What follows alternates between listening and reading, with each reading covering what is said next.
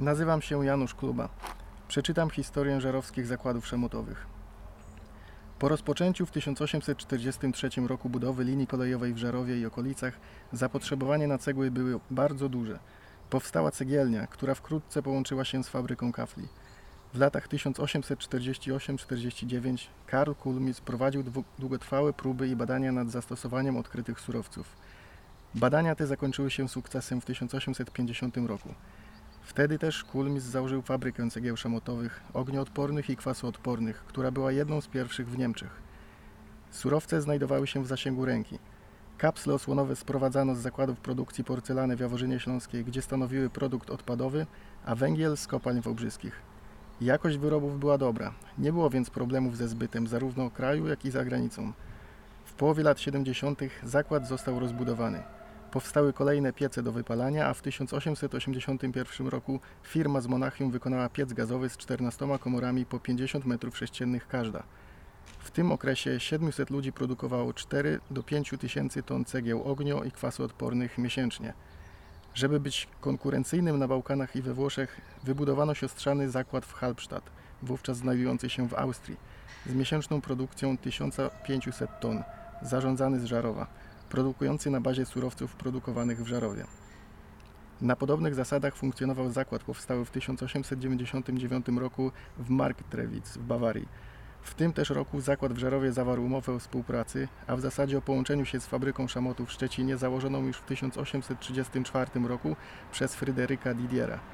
Wcześniej wyroby szamotowe sprowadzano z Anglii, która była ojczyzną produktów ogniotrwałych. Po podpisaniu umowy fabryka w Żarowie przyjęła nazwę Zjednoczone Fabryki Szamotu, dawniej K. Kulmis. W 1905 roku zakładem zaczął kierować dr Moritz Schulz, który przeprowadził dalszą modernizację zakładu. Między innymi uruchomił siłownię. W 1912 roku wydziały narażone na pył otrzymały mechaniczne odpylanie z urządzeniami filtracyjnymi. Do tego czasu stosowano zwykłe kominy. Pierwsza wojna światowa przyniosła duże zamówienia od przemysłu zbrojeniowego, ale też trudności produkcyjne w związku z niedoborem personelu. Po wojnie 60-godzinny tydzień pracy został zastąpiony 48-godzinnym.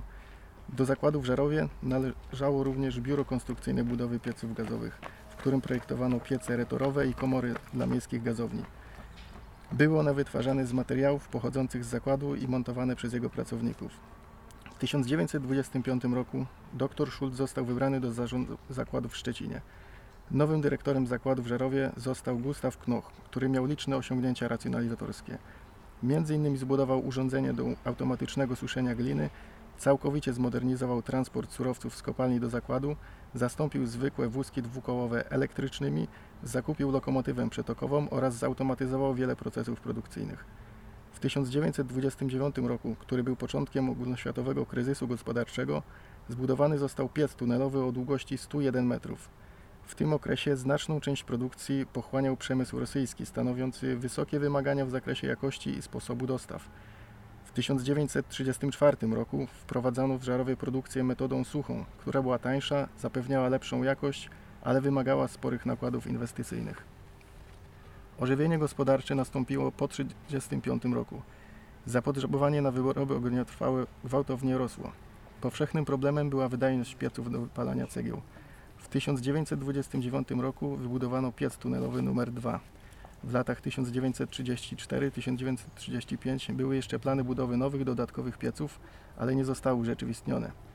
W 1935 roku zakład w Żerowie zawarł kontrakt z dyrekcją kolei we Wrocławiu na dostawę materiałów do paleńsk w parowozach. Zakład pracował do 12 lutego 1945 roku. Następnego dnia mieszkańcy Żerowa uciekali przed nacierającą Armią Czerwoną. Mimo, że linia frontu przebiegała wzdłuż Strzegomki, a więc zaledwie 2 km od zakładu, nie został on uszkodzony. Część mieszkańców wróciła do Żarowa w maju 1945 roku. Na początku 1946 roku pracowało w zakładzie około 120 Niemców, a ostatnia ich grupa opuściła Żarów 10 czerwca 1947 roku.